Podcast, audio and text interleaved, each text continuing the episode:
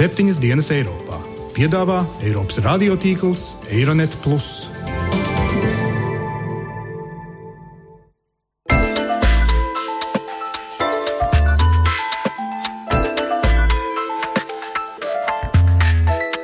Šonadēļ septiņas dienas Eiropā dzirdēsim.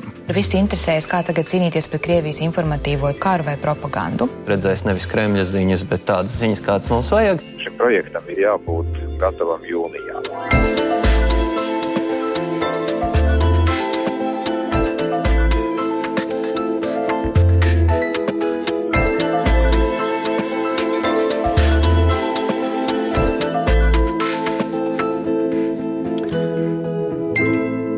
Labdien, godējumie klausītāji! Latvijas radio studijā Kārlis Streips klāt jaunākais septiņas dienas Eiropā raidījums, kur katru nedēļu skatāmies, kā Eiropas un pasaules notikumi var ietekmēt mūs tepat Latvijā. Pagājušajā nedēļā prezidents Vladimirs Putins rīkoja savu ilgadējo tiešo līniju ar tautu. No visas valsts sasūtīta gandrīz 3 miljoni jautājumu un 4 stundas Krievijas līderis pacietīgi atbildēja uz kopumā pārbaudītu un drošu jautājumu atlasi.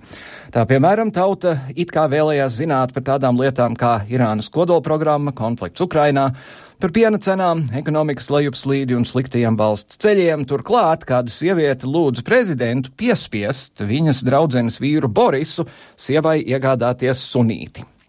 Tāpat kā līdz šim Putins novēla visu vainu par Krievijas ekonomiskajām likstām uz rietumu pleciem, apgalvojot, ka Ukrainas konflikta dēļ uzliktās sankcijas esot tikai daļa no Krievijas iegrožošanas politikas un esot primāri strateģisks lēmums. Turklāt tā esot Vašingtona, kas vainojama teju vai visos globālos konfliktos, nevis Maskava. Kad pienāca kārta neizbēgamajam jautājumam par Krievijas militāro atbalstu austrumu Ukrainas separatistiem, Putins mierīgā, bet noteiktā balsī teica, Krievijas karaspēks neatrodas Ukrainā.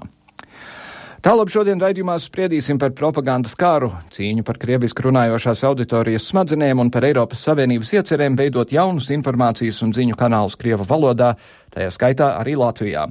Taču vispirms uzklausīsim dažādus viedokļus par pēdējo dienu pamiera pārkāpumiem Luganskas apgabalā.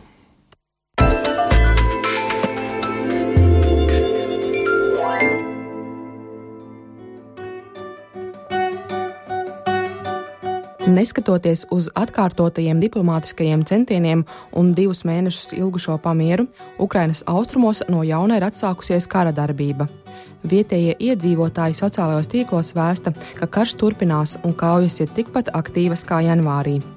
Ukrainas aizsardzības ministrija ziņo, ka turklāt Ukrainā joprojām atrodas Krievijas regulārās armijas karavīri, un kopā ar prokrieviskajiem kaujiniekiem viņi turpina apšaudīt Ukraiņu spēku pozīcijas ar smagajiem ieročiem, ko saskaņā ar Minskā noslēgto pamiera vienošanos bija jāatvelk no abu konfliktējošo pušu sadursmes līnijas jau pirms vairākām nedēļām.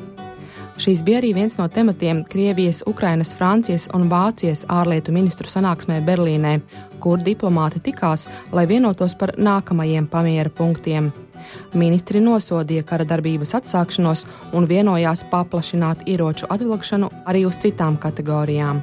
Stāsta Vācijas ārlietu ministrs Franks Walters Steinmeiers. Entscheidend, äh, dass wir vor dem Hintergrund der wieder zugespitzten Lage Būtiski šobrīd ir tas, ka situācijai sāsinoties. Mēs esam vienojušies ne tikai turpināt izvest smagos ieročus, bet iekļaut šajā sarakstā arī citas ieroču kategorijas.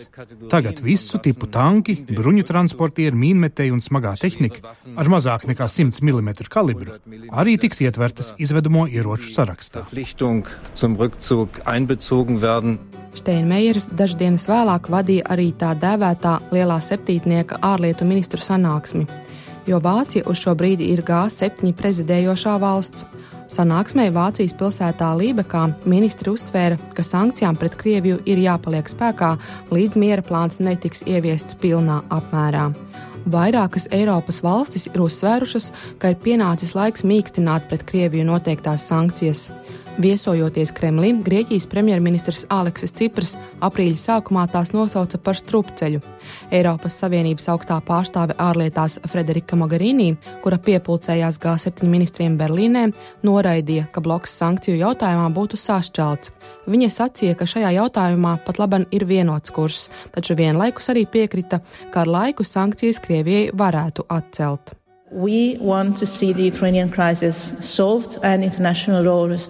Mēs visi gribam, lai Ukrainas krīze tiktu atrisināta un starptautiskie noteikumi atjaunoti, bet nav nekāda objektīva pamata Krieviju izolēt. Tas nav mūsu mērķis.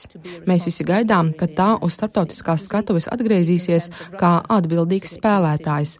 Protams, tas ir tikai Krievijas rokās, tā Mogherīnī. So.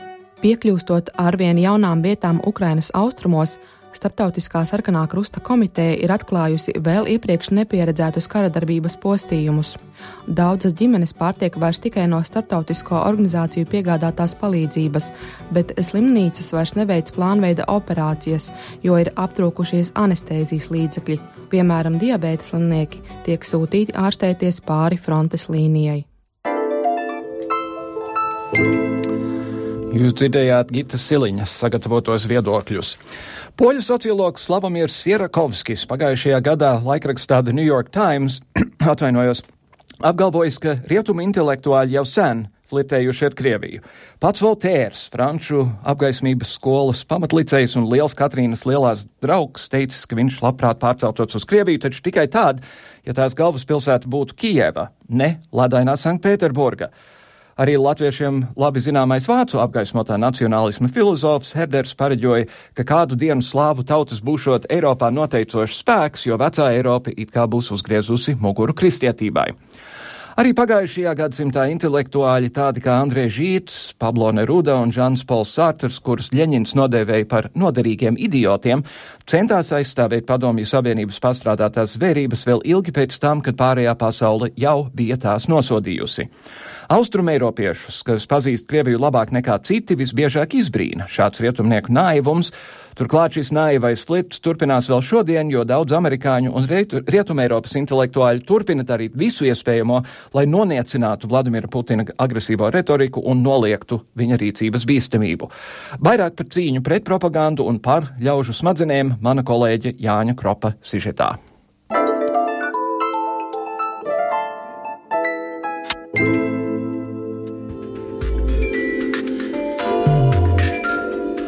Līdz ar karu Ukrainā plašu uzmanību pievēršam jautājumiem par propagandu. Lai arī ikdienas gaitā šīs divas lietas šķietējam roku rokā, taču patiesībā informatīvais karš sākās jau vairākus gadus pirms reālā kara Ukrainā. Kopš laika, kad Vladimirs Putins nāca pie varas Krievijā, viņš ir paveicis milzīgu darbu. Sākotnēji pārņēma valsts paspārnē lielākos mediju kanālus, kurus jau no 2011. gada tikpat veiksmīgi sāk arī taisīt ciet. Tajā pašā laikā oficiālā Kremļa vara ir arī plaši izmantojusi dažādu pasaules līmeņa sabiedrisko attiecību firmu pakalpojumus. Kā veiksmīgi norāda EU Observer, tad labs indikators ir Krievu diplomātu skaits Briseles vēstniecībā. No pārdesmit īņām tajā jau strādā vairāk nekā simt cilvēku, kuri visi ir aktīvi un ļoti labi izglītoti komunikatori. Cīņa par informāciju sākās jau vairākus gadus pirms reālās kara darbības Ukrainā. Uz šāda informatīva kara fona Baltijas valstis izceļas. Pārsvarā jau Igaunijā un Latvijā dzīvo visvairāk krievalodīgo iedzīvotāju, kur ir arī pakļauti riskam dzīvot pilnīgi paralēlā informācijas pasaulē. Eiropas valstis pēkšņi arī ir sapratušas, ka būtu jārada labāks variants par Eiropā pieejamajiem kanāliem, kādi ir tikai uz ziņām balstītais Euronews vai arī Krievijas plaši atbalstītais Russia Today. Žurnāliste Inga Spriņģe Latvijas televīzijas raidījumā Skats no malas arī atzina, ka ir bijusi interese finansēt jauna satura veidošanu Baltijā. Esmu pēdējā pusgada laikā piedalījusies vairākās darba grupās vai ar dažādiem ārvalstu ekspertiem, kas šeit iebrauc pusdienās, kur visi interesējas, kā tagad cīnīties pret Krievijas informatīvo to karu vai propagandu. Un tas mērķis, ko visi grib, ka viņi varētu dot potenciāli Baltijas valstīm naudu mūsu televīzijas kanāliem, lai tad veidot šo saturu, kas būtu pretēji tai Krievijas saturam. Šādi ir Skandināvijas valsts, ir viens no tiem, kas ir daudz domājuši, veidojuši vairāk darba grupu, un šobrīd, kā es saprotu, tas projekts ir iesaldēts. Un līdzīgi arī pēdējais, kur es biju, bija ar Lielbritānijas arī diplomātiem, kas šeit biedušies arī, lai to pašu tā kā izlūkos, lai saprastu, ko tad īsti darīt. Un tas galvenais secinājums ir bijis tomēr, ka nevar atrast to kopsaucēju, kā tad, piemēram, dalīsies ar saturu, jo ir tā ideja, ka varētu, piemēram, veidot kopējas raidījums, piemēram, dejo ar zvaigzni kaut kādus šovus, bet atkal ir tā pat problēma, ka varbūt tas, kas ir zvaigznes Igaunijā, nav zvaigznes šeit. Taču, kā jau ar daudzām lietām Eiropā, arī par vienota kanāla izveidošanu vienoties nemaz nav tik viegli. Viens no visskaļākajiem šīs idejas aizstāvjiem ir ārlietu ministrs Edgars Rinkēvičs. Saskaņā ar Eiropadomas marta lēmumu līdz jūnijam augstajai pārstāvē komisijai un arī mums kā prezidējošai valstī ir jāsagatavo priekšlikumi par visu pasākumu kopumu, kādā veidā cīnīties pret uh, Krievijas propagandu un Tostarp šīs diskusijas ietvaros notiek arī saruna par vienotu kanālu izveidi. Taču no tām diskusijām, kas man ir bijušas šobrīd uh, gan ārlietu padomē, gan arī divpusē tiekoties ar Eiropas Savienības kolēģiem, attieksme ļoti dažāda no atbalstošas līdz noliedzošai. Politiķu sacītajam ļoti labi piestāv vārds propaganda, jo skaļāk šo vārdu kāds lieto, jo karavīgāk acīm redzam ir noskaņots pret Krievijas informatīvo kampaņu. Žurnālistu vidū gan runas par pretpropagandas kanāla veidošanu nav lielā cieņā. Kvalitatīvs žurnālists nekad nevēlēsies būt par ieroci kāda cita informatīvajā karā. Radio Brīvā Eiropa galvenais redaktors Nenats Peičs ir norādījis, ka Radio Brīvā Eiropa ar savu informatīvo projektu nevēlas kādam kaut ko propagandēt. That, uh, address, uh, Ar šo projektu mēs cenšamies sasniegt klausītājus Krievijas perifērijā. Programmu pat labam translē Lietuvā, Latvijā, Ukrainā, Gruzijā un Moldovā. Mēs negribam sacensties ar Kremļa propagandas kanāliem, tas vienkārši nav iespējams. Mēs ikdienā raidām 30 minūšu garas programmas, kamēr Krievijas vara investē simtiem miljonu dolāru savā propagandā. Taču mēs vispār nevēlamies atbildēt propagandai ar propagandu. Mēs gluži vienkārši vēlamies piedāvāt profesionālu, precīzu informāciju. Mēs negribam veidot krievalodīgo uzskatus, ietekmēt viņu prātu, tas jādara viņiem pašiem. Mēs esam šeit, lai piedāvātu profesionālu redzējumu. Tieši ar vienotā kanāla mērķi arī sākās lielākās problēmas. Latvijas lēmums, piemēram, radīt atsevišķu kanālu krievalodīgajiem saskars ar tiem pašiem pārmetumiem. Latvijas televīzijas redzījumā skats no malas portāla Delfi galvenais redaktors Ingūns Bērziņš norādīja, ka viņš nemaz neredz jēgu censties pakļaut krievalodīgo auditoriju. Tiešām, ja tas sākotnējais variants ir tāds matemātiski, tehnokrātiski izrēķināts, ka cilvēkiem kas skatās televīziju krieviski Baltijā. Patīk uh, skatīties Maskavas kanālus, jo tur uh, rāda televīzijas šovus, humora, balagānus un tam līdzīgi. Tāpēc tagad sametīsimies Eiropu un uztaisīsim vienu tādu kanālu un tajā liksim šādu tipu saturu, un tāpēc viņi visi pārcelsies skatīties šo, un tad, kad pienāks ziņu bloks, redzēs nevis Kremļa ziņas, bet tādas ziņas, kādas mums vajag, tad ir vairāk nekā naivi domāt, ka šādā veidā var nosvārstīt kaut kādu auditorijas migrāciju. Šobrīd lielākā virzība mediju platformas meklējumos ir nonākusi nacionālo valstu rokās, kamēr Eiropa diskutē, pašas valstis meklē ceļus uz krievu valodā runājošo patērētāju informatīvo uztveri. Tādām valstīm kā Latvijai vai Igaunijai tas jau sen bija jādara, jo, kā kaut vai to norādīja Krievijas politologs, publicists un arī žurnālists Andrejs Pionkovskis, Latvijā ir milzīga problēma ar informācijas uztveri. Nu, vam, vam vas... Jums Latvijā ir grūti. Jums ir vesela politiskā partija, kuru pat patiesībā sponsorē Kremlis. Tāpat jums ir tādi paši masu mēdīji.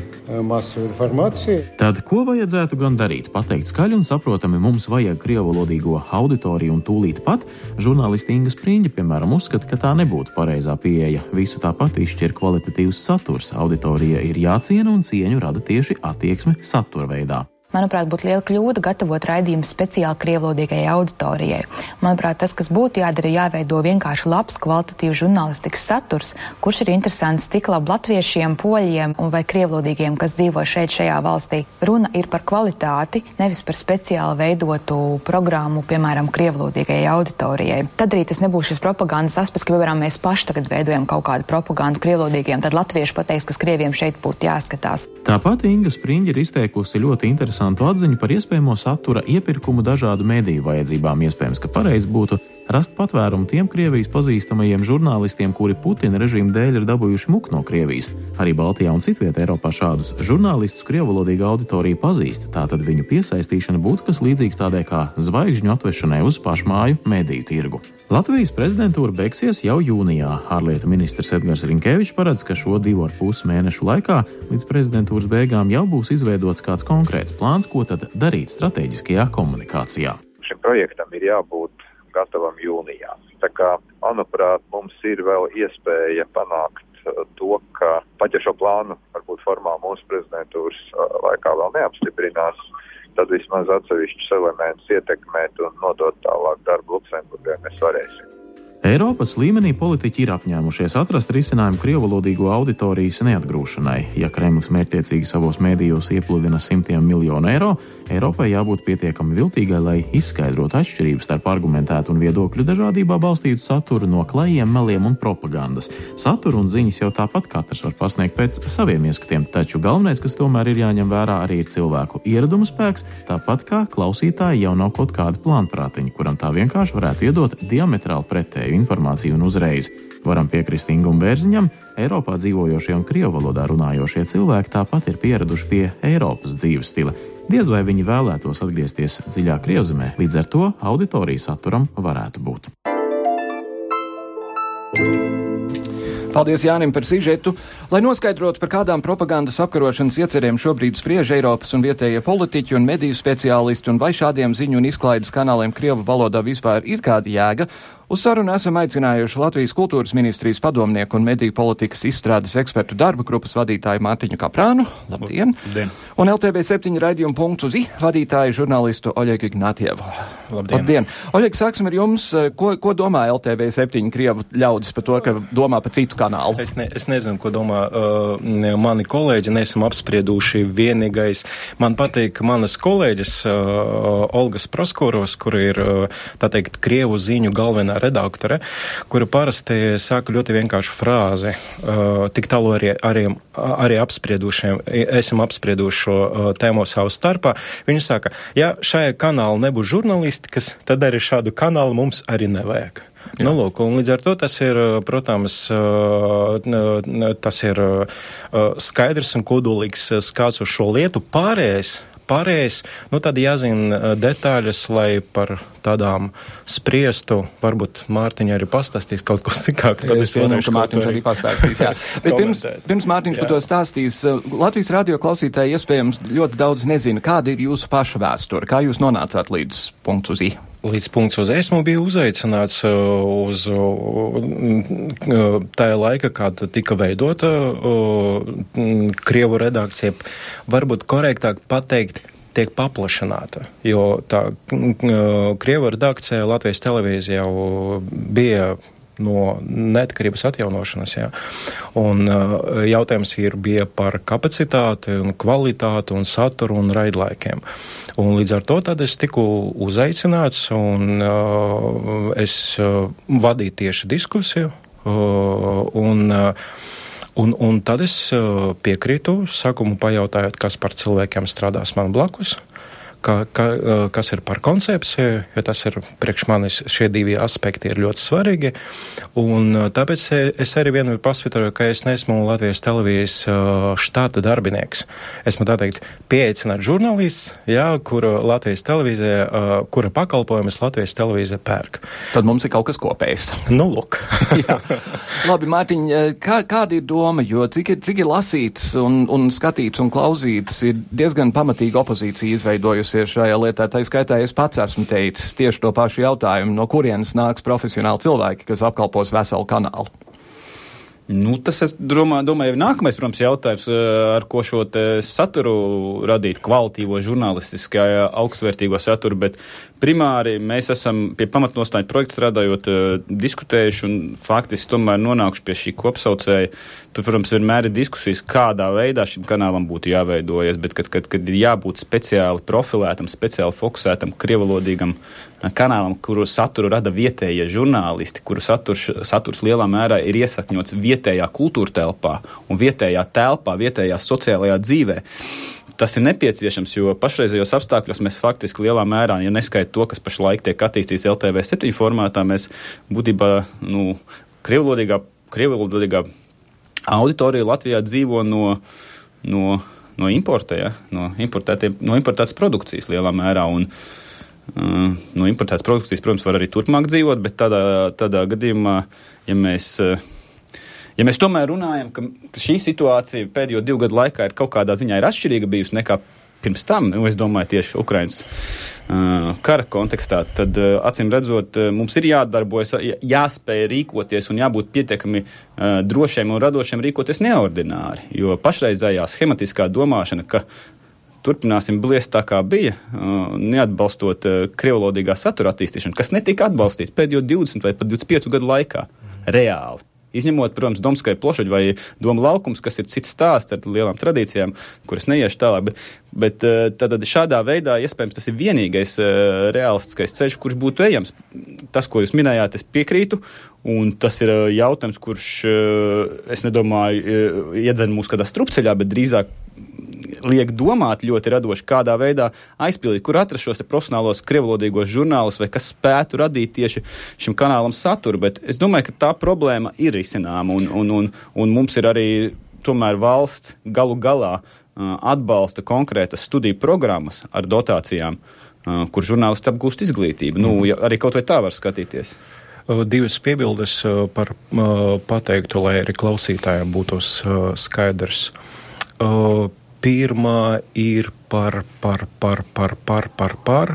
Pirmā aizmirsu, tad otrā. Labi. Uh, otrā ir tā, ka jautājums ir pali... Uh, nē, atcerējos. Tad pirmā ir ļoti svarīga. To, ko Mārtiņš pateica, lai, pieņemsim, Krievu žurnālisti, tepat dzīvojoši strādā, strādātu priekš krieviski runājušas auditorijas. Es vienmēr saku, un dažreiz, piemēram, latviešu kolēģi man nesaprot, te es sākšu ar vienu piemēru bija uh, savulaik uh, Krievu diena, kur tika tulkota, burtiski vārds vārdzā, vārdā, un kas neizgāja. Es vienmēr saku, es varu paņemt vispopulārākas uh, informatīvi analītiskas programmas, kas ir latviešu valodā, un pārtulkot, un to tekstu, pat to tekstu var nolasīt, pieņemsim, krievu žurnālisti, bet tās, ko mēs sākam žurnālisti agenda setting, jā, tā dienas kārtībā, viņa auditorijām atšķiras. Tas ir saistīts ar vēsturiski politiskiem uh, notikumiem, te es neiedziļināšos, bet dienas kārtība atšķiras, un līdz ar to ir ļoti svarīgi, lai pie šī produkta, pie satura, es nerunāju par sevi, bet vispār kopumā strādātu cilvēki, kuri izprot auditorijas uh, to pieprasījumu un uh, apvienojot gan, uh, teiksim tā, žurnālista priekšstāsts par sabiedrībai svarīgākajiem notikumiem, un sabiedrības pieprasījumu, tad arī atrast to vajadzīgu kompromisu uh, attiecību gan uz formu, gan uz saturu, lai cilvēkiem būtu interesanti skatīties. Mana pieredze strādājot TV5 kopā ar citiem kolēģiem uh, liecina, ka uh, šāds saturs ir pieprasīts. Es jau piecus gadus, kā mm, pagāju no tās dienas, kad es nestrādāju no TV5, jau tajā laikā uh, Tas ir ļoti, tas, tas ir ļoti pieprasīts uh, formāts. Vienīgais vajag piedāvāt. Un te es, uh, es atnākšu pie otrā punkta. Uh, jautājums ir, kāpēc mēs nevarētu attīstīt, pieņemsim, LTV 7? Tas, kas ir pašreiz.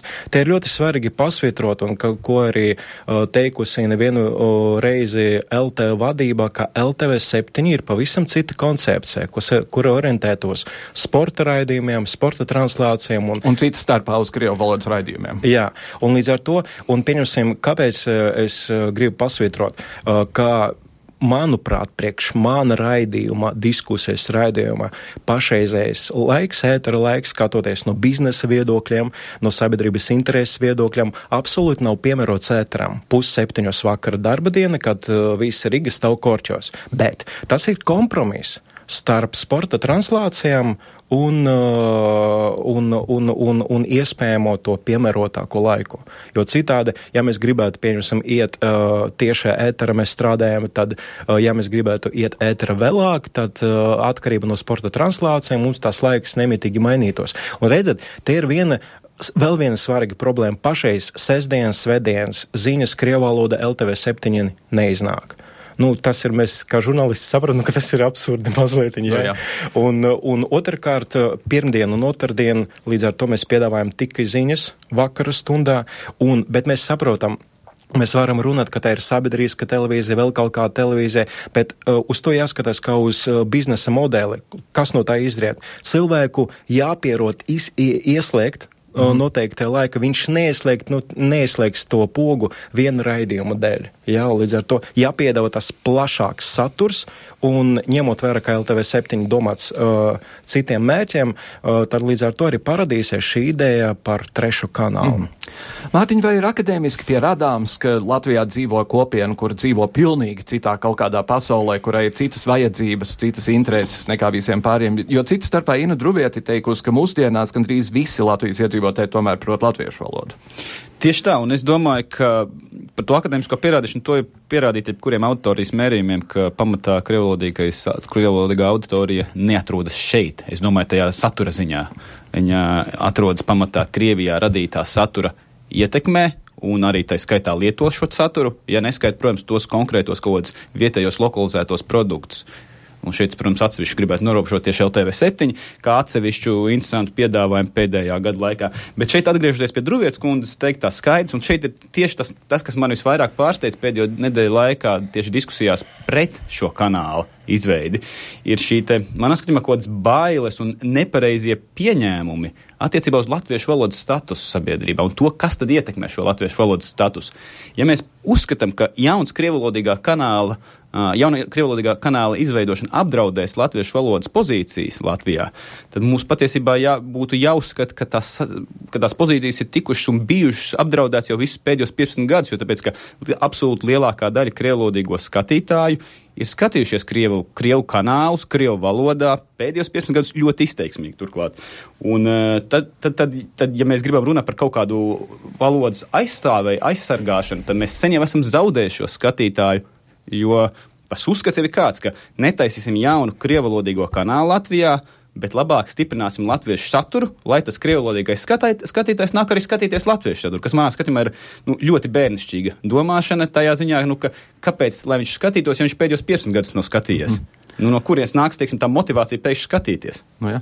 Oļeg, šodien Latvijas avīzē profesors Rozenvalds no, no Latvijas universitātes teica, ka kas būtībā ir vajadzīgs, ir nevis kanāls, kurā kaut ko propagandēt, bet, kā viņš teica, kur Latvijas krievvalodīgie var izrunāt savas lietas tai pašā laikā, tai pašā laikā ir uh, jāsaprot ļoti vienkārša lieta, arī runājot par uh, kanālu kā tādu kopumā, kā uh, Latvijas krievalodīgais, tā nav kaut kāda viena būtne ar noteiktām pazīmēm. Uh, Latvijas krievalodīgi ir ļoti daudzveidīgi. Uh, un, un līdz ar to ir uh, jāsaprot, ka uh, ņemot vērā tos visus, pieņemsim, uh, noskaņojumus, strāvojumus, kas parādās arī jaunas paudzes dēļ vai pateicoties jaunai, jaunai paudzē, līdz ar to arī tiek pacelti kaut kādi jautājumi, kurus nepieciešams arī savu starpu, tā teikt, izrunāt. Un līdz ar to, vai tas būtu kaut 9. maijs, jā, vai kaut, nezinu, tas pats 16. marts, kuriem arī domas dalas. Un uh, es pateiktu, nevajag spriest par krievalodīgiem tikai pēc vienas avīzes vai pēc kāda noteikta žurnālista uh, uh, piemēra, vai tas būtu es vai kāds cits. Nē, un līdz ar to, jā, es uzskatu, ka uh, ne tikai izrunāt savu starpā, bet arī uh, piesaistot auditoriju šādām diskusijām, caur to arī ieinteresēt uh, krievvalodīgos vairāk uh, par to, kas notiek Latvijā un kāpēc mums svarīgi par to zināt, kāpēc mums svarīgi par to spriest. Un galu galā es domāju, ka tas uh, novērt pie naturalizācijas uh, un pilsonības iegūšanas. Bet nu, tas ir, tā es saku, es gribu vienkārši pateikt, ka tas ir ļoti sarežģīts process, ja, un te nevar vienkārši paņemt un kā desu sagriezt jau uz uh, uh, dažām daļām, ja, un pateikt, kā tā tas būs. Nē. Mm -hmm. Jā, es vienkārši piebilstu, piebilst, piebilstot, es arī varbūt pat īstenībā pat gribētu nu, nepiekrist šādam Rozenvalda kunga uzstādījumam, ja viņš patiešām teica, ka, ir, ka tam ir jābūt kanālam, kur krievalodīgiem uh, aprunāties, satikties. Es domāju, ka šim kanālam ir jābūt arī atvērtam latviešu valodīgajiem. Tajā ziņā, ka nu, nav jau jānāk uz šo raidījumu tikai krievalodīgiem runāt par savām Nē, problēmām. Mm -hmm. ja? Un līdz ar to šeit kāda ir tā implikācija, vai tās, tās sekas ir kādas, ka mums ir jādomā, un es domāju, tur tā koncepcija vēl bišķiņi ir jāslīpē šim kanālam, ja mēs ejam tā kanāla attīstīšanas virzienā, ka jādomā par to, kā integrēt šo bilinguālismu principu. Es nu pat biju pirms divām nedēļām Ukrajinā. Tas būtu nav spilgts piemērs, bet, ziniet, man, man pārsteidz tas, kā, piemēram, žurnālists runā ukrainiski un uh, intervē krieviski. Nu, intervē krievalodīgo un runā principā divās atšķirīgās valodās, lai gan, protams, viņi viens otru saprot. Mm -hmm. Un es domāju, ka Latvijā lielā mērā mums šī spēja, un to mums rada visas uh, valodas aptaujas, spēja saprast vienam otru, runājot katram savā valodā, ir fenomens, kas varbūt ir pat unikāls nu, tādā reģionālā līmenī. Un tāpēc, nu, tāpēc ka šo, tomēr Ukrāņu un Krievalodas ir tu, tuvāk nekā Latviešu un Krievalodu. Un mēs tomēr spējam saprast. Es domāju, ka jāiet arī šajā virzienā būt un jādomā par kaut kādiem risinājumiem, kā šo te nodrošināt principu. Protams, ar piebildu, ka tā paudze, kas ir uzaugusi kopš Padomju Savienības sabrukuma, latvieši ne visi. Ne visi, ne visi protams, protams, protams, protams, jā. Jā. Uh, ir viens krievalodīgais patiesībā vairāki, kuri ir iekļuvuši Eiropas parlamentā, un viens no tiem ir Andrejs Mamīkins. Labdien! Labdien! Labdien. Labdien. Uh, sakiet, lūdzu, Mamīkin kungs, ko jūs dzirdat, ko Eiropa īsti mēģina darīt šajā kontekstā? Nu, ir um, vēramas vairākas tendences. Viena, kas, uh, godīgi sakot, man ļoti nepatīk, ir uztaisīt kaut kādu kontrapropagandas kanālu. Pret Krievijas propagandu mēs tagad raidīsim pareizo informāciju, mēs tagad parādīsim, kā, kā, kā, kā īsti jāsaprot tie vai citi noteikumi. Tas man nepatīk. Un otrkārt, Eiropā jau pati par sevi un, un Eiropas parlaments rada piemēru, ka cilvēki kādā valodā viņi nerunātu. Ja viņi grib saprast viens otru, viņi sapratīs. Un ja šis kanāls attīstīsies mm, pa šo ceļu, tad tas būtu tikai apsveicams. Tas būtu labi. Un jūs paši zināt, ka, ka uh, 25 valodas un uh, tiek tulkots visas sēdes uh, turp šurpu, un, un cilvēki galvenais saprast, sadzirdēt savu, savu sarunu biedru. Uh, nevis jāfokusējas, ka mēs tagad runāsim tikai vienā kaut kāda konkrēta valodā, franču vai angļu vai, vai, vai tikai latviešu. Uh, tas ir tas, ko es redzu šeit, Briselē. Bet principā ideja ir apsveicama. Es runāju jau tagad par tā saucamo trešo krievalodīgo kanālu. Vienīgais atkal mani atbaida atsevišķu politiķu vēlmes partaisīt to par propagandas ruparu. Tas atbaida. Bet, ja mēs runājam par propagandu, ja ir viena lieta, tas, kas pat labi notiek Krievijā. Piemēram, Putins savā teletiltā kārtējo reizi apliecināja, apgalvoja, ka Krievijas zaudēt nesot Ukrainā, kad visa pasaule zina, ka ir, tie ir vienkārši, vienkārši meli. Un ļoti daudz, kas nāk no Krievijas pat labi, kas ir tiešām meli. Vai, ja, ja izveidot kanālu, kurā būtībā būtu teikts, tas, kas skan no Krievijas televīzijas, ir meli, un lūk, kas ir patiesība, vai to jūs arī uzskatītu par propagandu?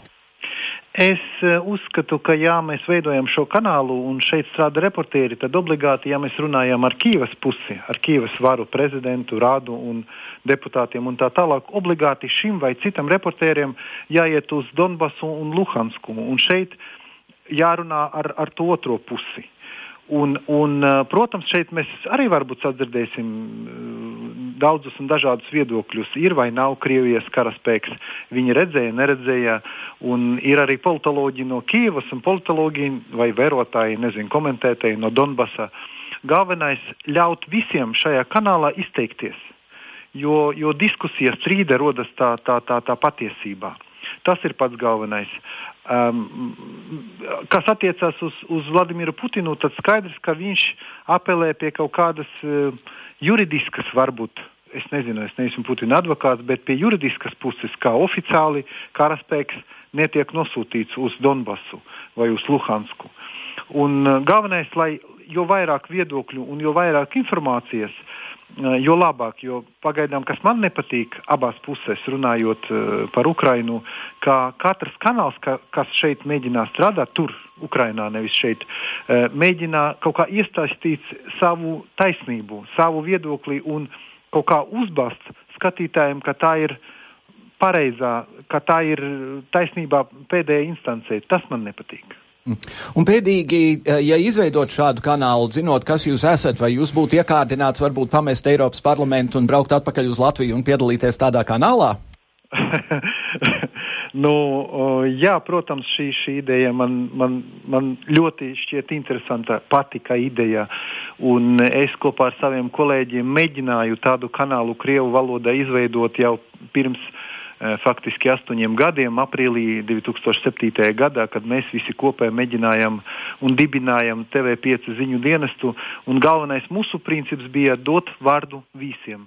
dot izteikties visiem absolūti. Un es varu tikai minēt, ka man bija leģionārs 9. maijā, un otrādi man, man, man bija uh, raidījumi, kur, kur, kur pretējā pusē izteicās uh, par to vai citu aktuālu problēmu. Man, man bija tolaik, es atceros, tāda īstā vēlme dot brīvu mikrofonu absolūti visiem, kurš vien vēlas atnākt uz studiju un pateikt. Un tā skaitā mēs arī intervējam vairākus politiķus un, protams, filmējam sižetus, eh, kuri nerunāja objektīvu iemeslu dēļ vai negribēja krievu valodā. Mēs viņus tulkojam, mēs, mēs ļāvam viņiem izteikties viņiem ērta valodā. Galvenais saņemt to Uh, viedokli un pēc tam tiražēt, izplatīt, uh, ko dara masu mēdī. Tā skaitā es vienreiz pie jums biju. Uh, paldies, uh, Eiropas parlamenta deputāts Andrejs Mamīkins. Paldies jums! Paldies. Lūk, uh, Oļeg, es, es gribētu to pašu jautāt. Tajos gadījumos, nu, mēs visi zinām, ka tas Krievijas kara spēks ir tajā Ukrainā. Nu, nav nekā pat, pat Putins to ir netieši kaut kādā brīdī atzīnis.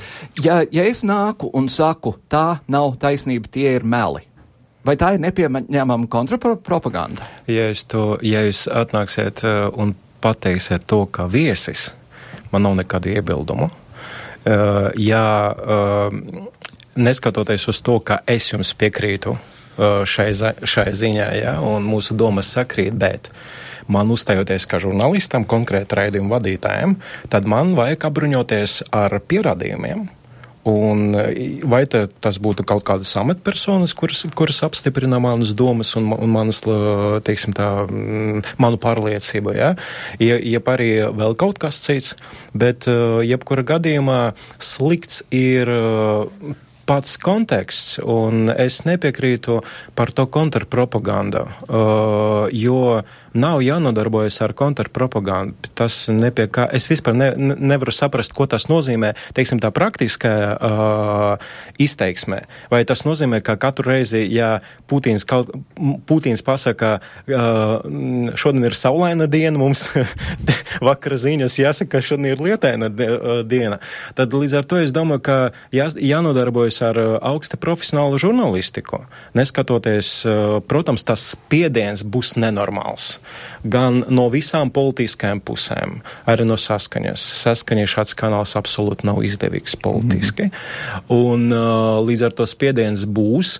Tā kā pašreiz šis ir spiediens, arī no uh, komerces televīziju puses, no PBK, kuri izraisīs tādu nenormālu tādu kam kampaņu pret mums. Mēnešu garumā. Jā, un līdz ar to, bet man tas jau neuztrauc. Es zinu, ka es, ka, ka es strādāju kā žurnālists, un šai ziņai ir ļoti, viss ir ļoti vienkārši. Ja jūs, uh, ja jūs, man, ja jūs sakat, ka es nodarbojos par, ar propagandu, lūdzu pierādījumus. Uh, un, kad man to saka, uh, tad es, man pirmais jautājums, uh, ar ko jūs klausāties manas raidījumus? Raidījumus ar ausīm, ja par kādu citu vietu es atvainojos. ja? Ja ar ausīm, nu tad uz galda lūdzu pierādījumus. Jā. Es neklausos ne ar ko. Es, es krievu valodu neprotu. Es varu par to propagandu runājot, ir viens, divi, divi, divi, divi, divi aspekti. Viens ir, ka par propagandu runājot, mēs tomēr varam arī diezgan viegli konstatēt kaut kādas zināmas formālas parametrus. Kaut vai jūs pats pasniedzat žurnālistiem ziņu žurnālistiku, nu, avotu daudzveidība viens no primārajiem ceļiem, kā izvairīties no propagandas. Ja? Un, mm -hmm. un ja mēs eh, skaidri redzam, ka, piemēram, tajos pašos Krievijas televīzijas kanālos visas ziņas par Ukraiņu tiek bāzētas uz ļoti vienpusīgiem avotiem, kur, kā jau Mamikina kungs teica, tur neiet neviens uz Kievu un neintervē parasti, bet, ja intervē, tad parasti intervē tos, kuri pateiks to pareizāko viedokli. Turklāt, ja? rādot bildes no Čečenijas jā, jā, jā, jā, jā, tā kā, tā kā es domāju, ka mums ir jābūt arī ļoti kritiskiem pret to, nu, ko tad raida tajos citos Krievijas kanālos. Un tādā ziņā, protams, šī jaunā kanāla kontekstā varētu šo analītisko žurnālistiku stiprināt. Es tikai gribētu piebilst, ka es ceru, ka Mamīkina kungs spēs pārliecināt savus partijas biedrus, tad, kad būs jābalso vai kādreiz būtu jābalso par budžeta piešķiršanu šī kanāla attīstīšanai, par tiem 3 miljoniem vai tur perspektīvā par 5 miljoniem, tad lai arī atvēl konkrētas budžeta pozīcijas pastāvīga reportiera un operātora uzturēšanai tai Don Donbasā, kas nav lēts prieks. Ja? Nu, nu, tur dzīvot tādos apstākļos, un turklāt arī par drošību rūpēties, tam, tam tas maksā. Tā kā tie ir skaisti vārdi, bet tas arī nozīmē arī politisku gribu šo mm -hmm. sasniegt. Bet atgriežoties pie kanāla un pie profesionālā žurnālistikas, mums vajag paturēt prātā, ka kanāls šajā gadījumā nenozīmē tikai analītiskos raidījumus vai ziņu raidījumus. Runa ir arī par bērnu auditoriju, krievlīgu bērnu auditoriju kas ir viens no labākajiem, protams, veidiem, kā vispār sākt uh, domāt par sabiedrības integrāciju tieši šajā bērnu līmenī, ka bērni arī skatās kaut kādu kopēju mediātu, nu, mediju vēstījumu, ja, nevis tik sakt dzīvo pilnīgi atšķirīgos uh, informatīvos laukos. Uh, tā kā tie ir arī vecāki, pensijas vecuma cilvēki. Kā, Izklaide un vispār. Jā, jā, jā, tas nav, mm -hmm. tikai, tas nav tikai informatīva analītiskais žanrs, kas būs tur iekšā šajā kanālā. Jā. Bet, uh, Jūs savukārt, kā mans bijušais students, arī zināt, ka es esmu teicis, ka žurnālistika mēdz meklēt polus. Un, ja, ja tu ieliec vienā studijā, teiksim, Giļmanu un Iesalnieku, tā ir, tā ir viena lieta. Bet, Oļeg, vai krievvalodīgajā sabiedrībā ir pilns šis viedokļu diapazons, vai, vai tādā diskusiju raidījumā varētu atrast kādu, kas Giļmanam opoze, oponēs tieši no krievvalodīgiem un teiks, jūs runājat muļķības pat labam? Nu, ir, ir, ir ir šādi cilvēki. Un līdz ar to cita lieta, kā, teiksim, tā, es pateikšu godīgi un šajā ziņā es nepiekrītu man, manam bijušajam kolēģim, uh, ka mēs tagad ļausim izteikties, es vismaz savu raidījumu, kā raidījumu vadītājs, izteikš, uh, ļaušu izteikties absolūti visiem. Uh, paskaidrošu, ko es ar to domāju. Man ir svarīgi kvalitatīva diskusija. Ja es gribētu reitingus un līdz ar to to nav problēma uztaisīt, dabūt absolūti pretēs pusi, kuri tur nezinu, ko darīs. Jā, tā es studēs vienkārši stāvēšu malās. Un, un līdz ar to, bet tas nav mērķis. Un mēs ejam to grūtāko ceļu, uh, pieaicinot uh, ekspertus visdažākajā līmenī un no uh, visām iespējamām pusēm tad arī apspriest uh, konkrētu problēmu. Bet uh, ir šādi cilvēki, neapšaubām ir. Vienīgais, ka es domāju, ka te ir uh, cita problēma, ar ko saskaras uh, visu arī latviešu redakcijas, ka mums tās, pieņemsim, arī ekspertu loks, jā, ir diezgan šaurs. Un, un līdz ar to nu, mums nav tik liela valsts, uh, diemžēl, jā, lai tie cilvēki tos, to cilvēku būtu bezgalīgi daudz. Bet man ir ļoti svarīgi, lai arī mana raidījuma piedalītos latvieši ārkārtīgi svarīgi. Un esmu pateicīgs katrs, katram latvietim, kurš, uh, kurš pārvaldot krievu valodu, piekrīt manam uzstādījumam runāt uh, raidījumā tikai krieviski. Es to neslēpju nekad, un uh, es domāju, visiem ir skaidrs, ka aiz manas pozīcijas nestāv nekāda ideoloģija, un jo vienkārši sarunāties pašreizējais apstākļos viena valoda ir daudz, uh, daudz vieglāk, un cilvēkam tad ir rēģēt, un, un, un tā tālāk. Jo man ir svarīgi, lai krievu valodīgie uh, iedzīvotāji dzirdētu arī latviešu viedokļus par to, kas notiek. Mm -hmm. Un līdz ar to tas ir, manuprāt, ārkārtīgi uh, svarīgi priekš jebkura projekta Latvijā. Mums iet laiks uz beigām, tad ātri, Mārtiņ, kas, kas tagad ir iecerēts? Jo citu starpā drīz būs vasaras brīvdienas saimai un tā tālāk un tā joprojām. Kas, kas labākajā gadījumā, kas varētu notikt un nu, kāda? Tur paralēli dažādas, dažādas darbības notiek, kā saka, mums viss kā karā notiek ļoti strauji un, un, un pārmaiņas notiek tā, ka varbūt ir grūti brīžiem izsekot. Viens ir, ka Eh, padome, tā kas ir Nacionāla plašsaziņas līdzekļu padome, ir apstiprinājusi šādu kanāla koncepciju.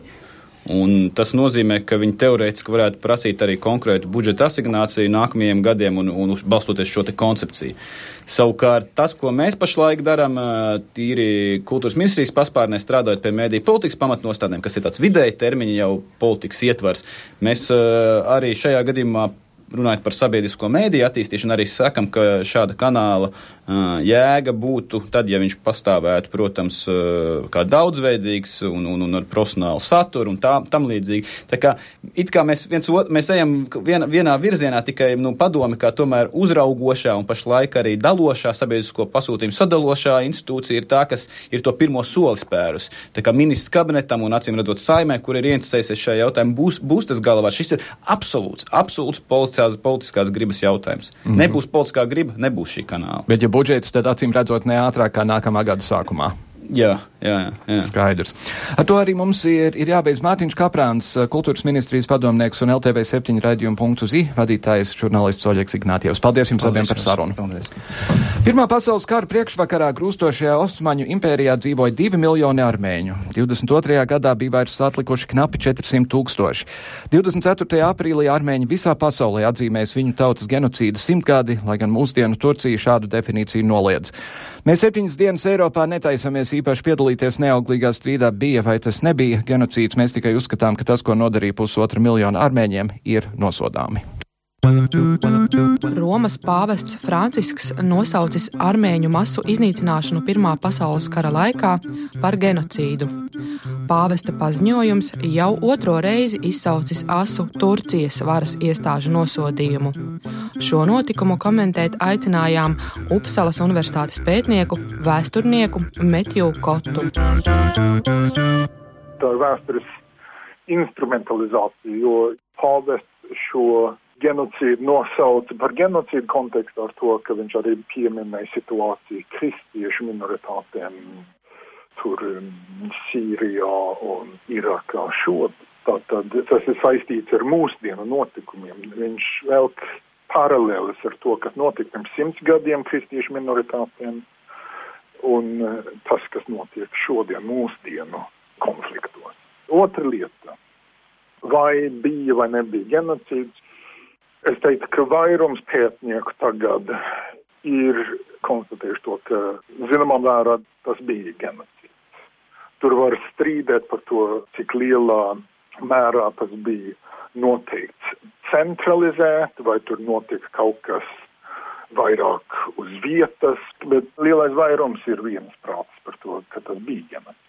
Protams, ka tas patreizējai Turcijai nav pieņemams. Un visu laiku, kopš 1923. gadā, kad dibināja moderno Turciju, teiksim, šis jautājums ir bijis ļoti politizēts. Pirms nedaudziem gadiem bija atentāts pret uh, armēņu rakstnieku un žurnālistu un aktivistu Frans Dinks, kur nogalināja turku nacionālistu par to, ka Dinks bija savos rakstos minējis to, ka tas, kas notika Pirmā pasaules kara laikā ar armēņiem, bija genocīds. Tātad situācija ir sāsinājusies pēdējos gados kopš Erdogana islamistu valdība ir nostiprinājusies savu narratīvu par Turcijas vēsturi, jo viņš atjauno nevis to moderno, kas sākās ar Kemalu Ataturku un šo modernizāciju, bet viņš atsaucās vairāk un vairāk uz Osmaņu impēriju. Un nu, tur jau sākās, jo šis genocīds notika Osmaņu impērijas nogalē. Un tur vēl ir vērts konstatēt, ka pats jēdziens genocīds uh, tika izstrādāts tikai pagājušā gadsimta 50. gados, reaģējot uz to, kas bija noticis Vācijā, un uh, līdz ar to tas būtu ar atpakaļējošu datumu jā, jānosaka, vai tas tā bija arī Armēnijā. Kas attiecas uz kanālu, būt tam kanālam vai nebūt, manuprāt, dāmas un kungi, galvenais ir tas, ka visai sabiedrībai ir šajā procesā jāpiedalās tādā nozīmē, runājiet ar saviem kaimiņiem, runājiet ar saviem draugiem, runājiet ar visiem cilvēkiem, latviešiem un nelatviešiem. Šīs lietas ir jāizrunā arī ārpus televīzijas un radio. Un ja jums ir iespēja, teiksim, pierādīt, ka nav gluži tā, kā stāsta Krievijas pirmā televīzija. Dariet tā. Nav pat jautājums par to, bija Latvija okupēta vai nebija. Protams, ka Latvija bija okupēta. Nav jāizstrīda vēlreiz vēstures jautājumi, bet ir jāizstrīda pašreizējie jautājumi, un latviešu balsis šajā lietā ir ļoti, ļoti svarīgas. Mēs atgriezīsimies šajā pašā laikā nākamnedēļ. Pagaidām, dāmas un kungi, paldies, ka klausījāties. Visu labu!